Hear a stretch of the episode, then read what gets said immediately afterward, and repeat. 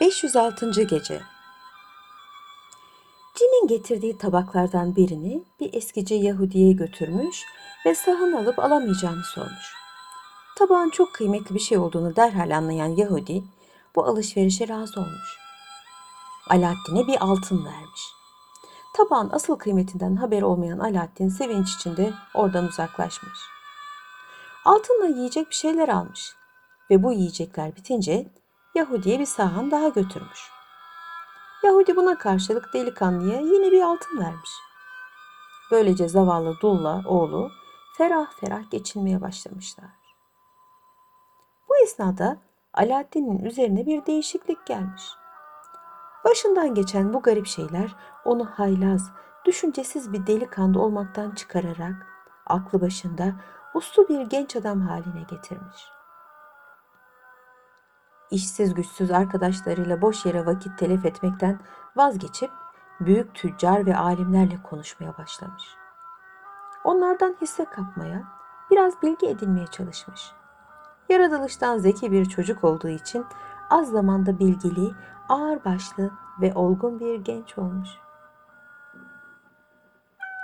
Lambadan çıkan devin getirmiş olduğu tabaklar, bardaklar ve tepsi satıldığı zaman Alaaddin lambayı tekrar alıp ovuşturmuş. Dev gibi cin tekrar meydana çıkarak dile benden ne dilersen demiş. Alaaddin'in karnının aç olduğunu duyunca yine bir tepsi yemek getirmiş. Yemekler bitince Alaaddin tabakları yine birer birer satmaya başlamış. Ama bu sefer hayatı daha iyi bildiğinden şehrin en iyi kuyumcularından biriyle alışveriş ediyormuş. Böylece ana oğul uzun zaman daha rahat rahat geçirmişler. Tacirler ve kuyumcularla ahbaplılığı ilerleten Alaaddin de yeraltı bahçesinden getirmiş olduğu güzel meyvelerin renkli camdan değil, kıymetli mücevherlerden yapılmış olduğunu öğrenmiş. Tabii çok sevinmiş ama bu keşfini ilk önceleri annesinden bile gizli tutmuş. Sabah olmuştu. Şehrazat gülümseyerek hikayesine ara verdi. Hükümdar masala ertesi akşam devam etmesini istedi. Şehrazat o akşam tatlı tatlı anlatmaya başladı.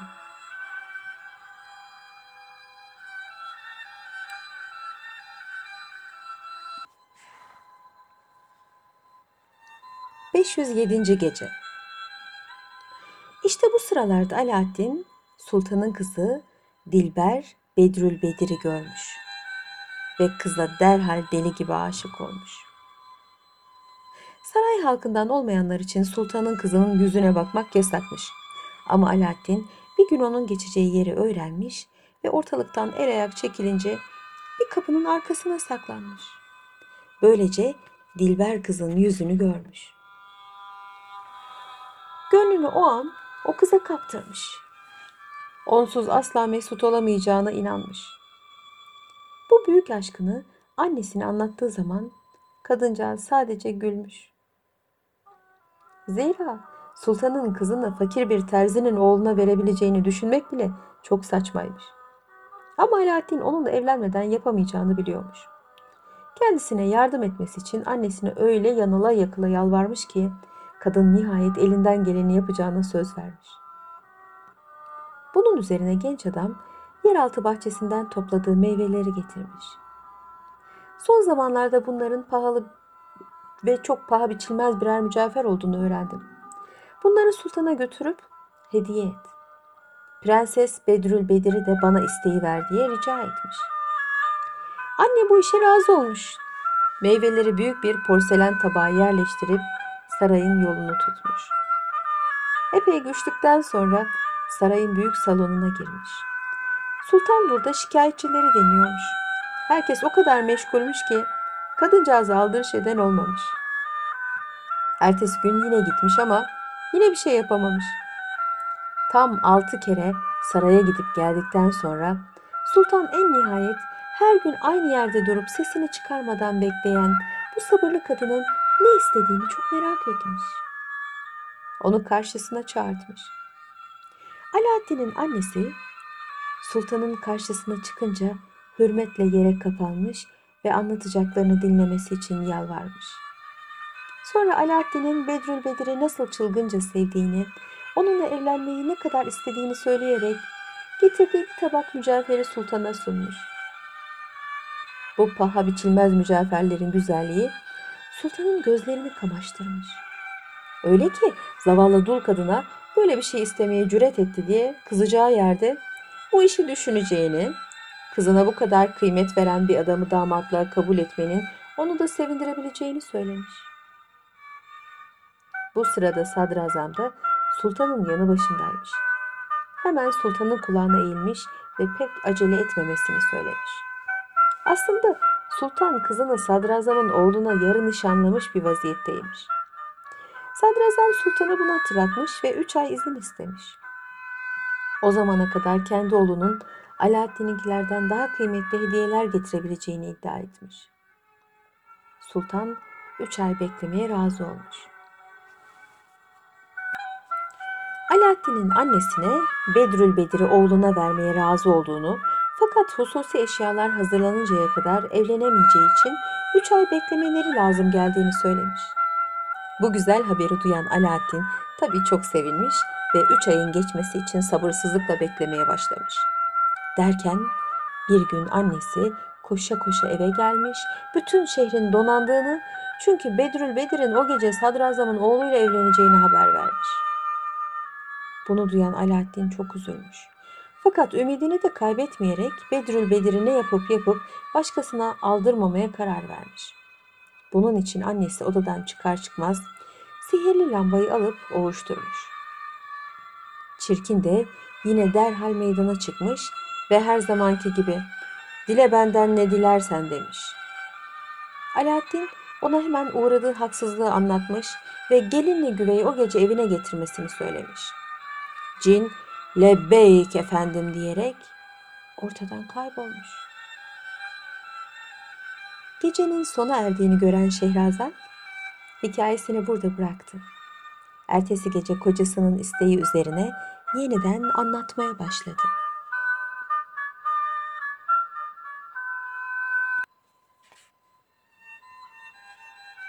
...508. Gece O gece düğün şenlikleri bitip de... ...sultanın kızıyla sadrazamın oğlu baş başa kalır kalmaz... ...cin görünmüş ve karyolayı sırtladığı gibi Alaaddin'in evine götürmüş. Burada gelin tek başına karanlık bir odaya kapanmış, güveyi de soğuk küflü bodruma hapsetmiş. Sabaha karşı karı kocayı aynı şekilde saraya götürmüş. Bu macera iki gence korkunç bir kabus gibi geldiği için kimseye söylememeye karar vermişler. Ama ertesi gece yine aynı şey başlarına gelince o kadar korkmuşlar ki artık işi daha fazla gizli tutmaya cesaret edememişler. Sadrazamın oğlu bunun müthiş bir büyü marifeti olduğunu anlayarak sultanın kızının başına böyle şeyler getirmektense gelinden vazgeçmeye razı olduğunu söylemiş. Sultan da ona hak vermiş. Düğün şenliklerinin durdurulmasını ve evlenmenin yapılmadığının ilan edilmesini emir buyurmuş. Bunu duyan Alaaddin sevgilisinin ellere gitmediğine tabii çok sevinmiş. Bununla beraber sultanın dediği gibi üç ay beklemiş. Üç ay sonra annesini yine saraya gönderip tekrar Bedrül Bedir'i istetmiş. Sultan Dulu derhal tanımış. Sözlerini gizlice dinlemiş ama sadrazamın yine kulağına acele etmemelerini fısıldamış. Bunun üzerine sultan kadına kızını oğluna vereceğini ama oğlunun hediye olarak evvelce getirdiği kıymetli mücevherlerle dolu 40 tane altın kase getirmesini söylemiş. Bu 40 kaseyi 40 tane zenci esir taşıyacak ve önden de 40 tane beyaz esir gelecekmiş. Esirlerin hepsi de fevkalade giyinmiş olacaklarmış. Kadıncağız üzgün üzgün evine dönmüş. Zira oğlunun sultanın istediğini asla yapamayacağını ve Bedrül Bedir'le evlenmekten vazgeçmek zorunda kalacağını düşünüyormuş. Ama Alaaddin ümitsizliğe düşmemiş. Annesi odadan çıkar çıkmaz sihirli lambasını oluşturmuş ve dev cin yine meydana çıkmış. Alaaddin ona hemen istediklerini anlatmış. Cin ortadan kaybolmuş ve kısa bir zaman sonra 40 tane zengin kıyafetli beyaz esir, 40 tane zengin kıyafetli zenci esir ve içi mücevher dolu 40 tane altın kase getirmiş. Bu altın kaselerin içindeki zümrüt, elmas, yakut ve inciler Alaaddin'in yeraltı bahçesinden getirdiklerinden de büyük ve güzelmiş. Alaaddin'in küçük evini ve bahçesini dolduran bu kıymetli hediyeleri efendisine teslim eden cin yine ortadan kaybolmuş. Alaaddin artık son derece sevinçliymiş. Esirleri hemen saraya göndermiş. Annesini de peşlerine takmış. Esirlerin gelişi sarayda büyük bir heyecan yaratmış. Zira hiç kimse bu derece muhteşem bir alay görmemişmiş. Ayaklarının dibine serilen eşsiz mücevherler sultanı da mest etmiş.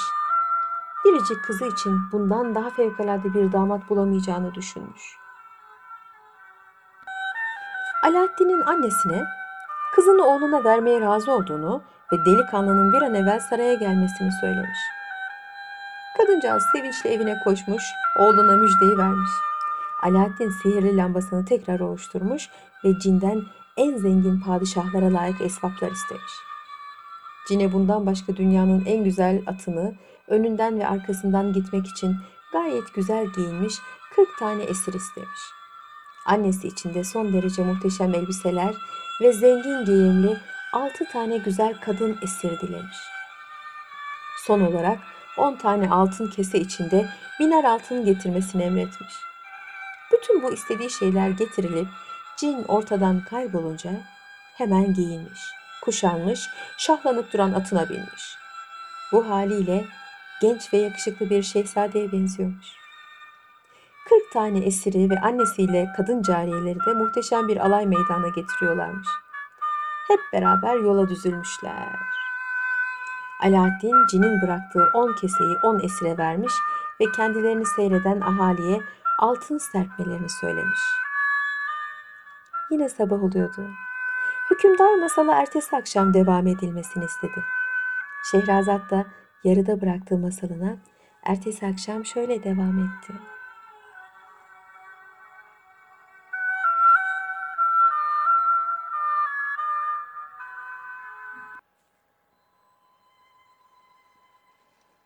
...509. Gece Böylece saltanat içinde ve ahalinin bağırışları arasında saraya vardılar. Sultan Alaaddin'i bir başka padişaha karşılar gibi karşılamış, düğünün hemen o gece yapılmasına karar verilmiş. Ama Alaaddin muhteşem bir saray yaptırmadan Bedrül Bedir'i babasının sarayından ayıramayacağını söylemiş. Ve sultandan sarayın karşısındaki geniş arsayı istemiş. Sultan bu arsayı damadına seve seve vermiş. Büyük bir ziyafetten sonra Alaaddin yine kendi evine dönmüş ve sihirli lambasının cinini yardıma çağırmış. Cinden bu sefer sultanın sarayının karşısına fevkalade bir saray kurmasını istemiş. Bu sarayın duvarları som altın, gümüşten olacakmış. Pencereleri, kapıları, sütunları türlü türlü güzel ve kıymetli mücevherlerle süslenecekmiş. İçerisi de gayet zengin bir şekilde döşenecek, her odaya esirler yerleştirilecekmiş. Sadece Alaaddin'in bildiği gizli bir köşeye bir define gömülecekmiş. Alaaddin pencerelerden birinin yarım bırakılmasını bilhassa tembih etmiş. Alaaddin bunları söyledikten sonra yatıp uyumuş. Ertesi sabah uyanınca bir de ne baksın. Lambanın cini bir gece içinde sultanın sarayının karşısına hakikatten muhteşem bir saray kurdurtmamış mı? Bu saray Alaaddin'in hayalinde kurduğundan çok daha harikuladeymiş. Genç adamla annesi hemen oraya taşınmışlar. Sultan kendi penceresinden bakıp da güneşte parıl parıl yanan bu sarayı görünce tabii son derece sevinmiş ve hayretler içinde kalmış. Düğüne hemen o gün başlanmış. Ve o gece Alaaddin sevgili karısını kendi evine getirmiş. Ertesi sabah bizzat Sultan Mücevherli Saray'a girmiş. Her girdiği oda onu daha fazla memnun ediyormuş. Derken kıymetli taşlarla süslü olan pencerelerden birinin yarım bırakıldığını görmüş. Bunun niçin böyle kaldığını sormuş. Alaaddin sarayını bizzat sultanın bitirmesini istediğini söylemiş. Bu fikir sultanın öyle hoşuna gitmiş ki hemen sarayın kuyumcularını çağırtmış ve bu yarım pencereyi bitirmelerini tembih etmiş. Kuyumcular derhal işe girişmişler. Ama ellerinden geleni yaptıkları halde bir ayın sonunda pencere hala bitmekten çok uzakmış. Aynı zamanda hem sultan hem de sadrazamın hazinelerindeki bütün mücevherler bittiği için kuyumcuların işlerine devam etmelerine de artık imkan yokmuş. Alaaddin'e gelince o kuyumcuların nafile yere alıştıklarını eskiden beri biliyormuş. Bu fikri ortaya sırf sultandan zengin ve kudretli olduğunu meydana vermek için atmışmış. Bir ayın sonunda kuyumculara yaptıklarını gene bozmalarını ve mücevherleri geri götürmelerini söylemiş. Sonra lambasındaki cini çağırmış. Pencerenin tamamlanmasını dilemiş. Cin bu emri derhal yerine getirmiş. Sultan Alaaddin'in kudretinin bu yeni nişanesini görünce damadını eskisinden de çok sevmiş. Alaaddin'in artık hiçbir eksiği yokmuş. Muhteşem bir sarayda sevgili karısıyla beraber yaşıyormuş ve son derece mesutmuş. Hayatı bir müddet böyle rahat ve sakin geçmiş. Fakat sonra başına yeni bir dert açılmış. Kötü kalpli sihirbaz hala hayattaymış. Sihirli billuruna bakınca Alaaddin'in yer altında ölmediğini ve bu yetmiyormuş gibi sihirli lambasının marifetiyle sultanlar gibi yaşadığını öğrenmiş. Bu onu son derece kızdırmış. Hain büyücü kıskançlıktan kuduracak gibiymiş.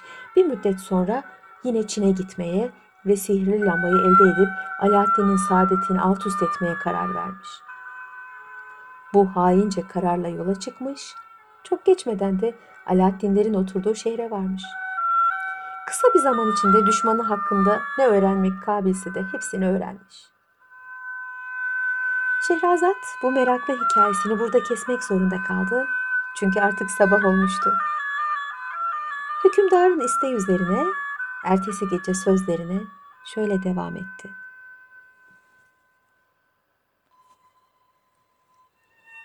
...510. Gece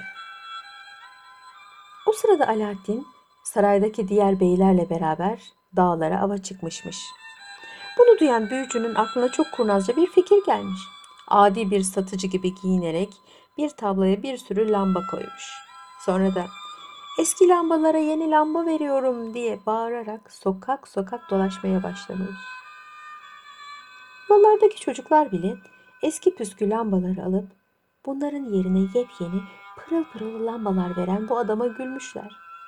Ama büyücü onlara hiç aldırış etmedi ve biraz sonra eski lambalar alıp yeni lambalar veriyorum diye bağırar bağıra Alaaddin'in o muhteşem sarayının göz kamaştıran pencerelerinin önünden geçmeye başladı.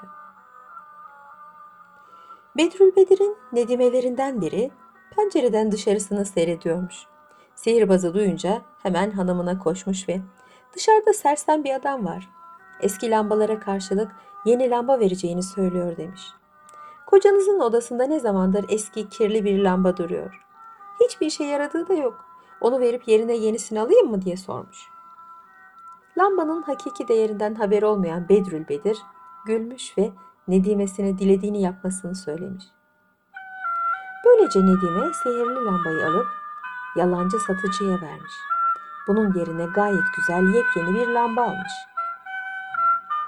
Sihirbaz Nedime'nin getirdiği lambanın aradığı lamba olduğunu derhal tanımış. Hemen tenha bir yere koşarak lambayı oluşturmuş. Lambadan hemen bir dudağı yerde, bir dudağı gökte dev cin çıkmış ve dile benden ne dilersen demiş. Bunun üzerine büyücü Alaaddin'in sarayını Bedrül Bedir ve bütün mahiyetiyle birlikte Afrika'ya götür diye emretmiş.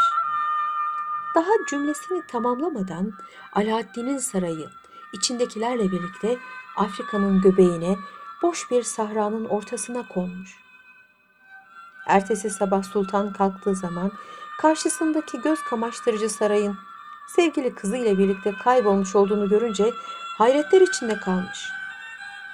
Keder ve öfke içinde askerlerini dağlara göndererek Alaaddin'i esir alarak karşısına getirtmiş. Maksadı damadının hemen kafasını kesmekmiş. Olan biteni duyunca Alaaddin Sultan'dan fazla üzülmüş. Fakat karısını bulmak için hiçbir gayret sarf etmeden ölmek istemiyormuş. Onun için sultandan 40 gün izin istemiş. Bunun sonunda karısını bulamazsa ölüme seve seve razı olacağını söylemiş. Sultan buna peki demiş ve Alaaddin karısını aramaya başlamış. Fakat o kadar büyük bir keder ve şaşkınlık içindeymiş ki herkes ona deli nazarıyla bakmaya başlamış.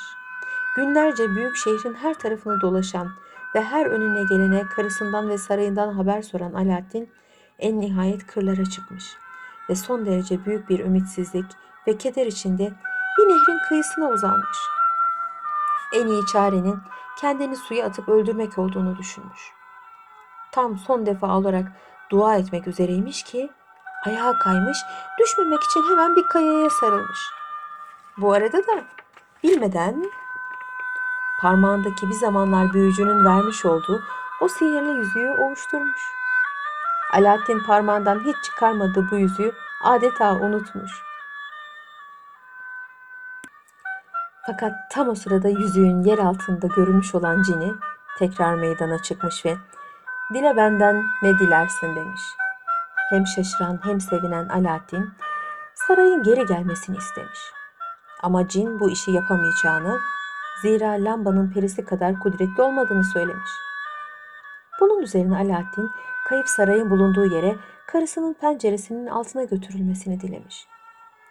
Gözünü açıp kapayıncaya kadar kendini Afrika'nın tenha bir sahrasının ortasında kendi güzel sarayının önünde bulmuş. Sabah olmuştu. Şehrazat gülümseyerek hikayesini ara verdi. Hükümdar masalı ertesi akşam devam etmesini istedi. Şehrazat o akşam tatlı tatlı anlatmaya başladı.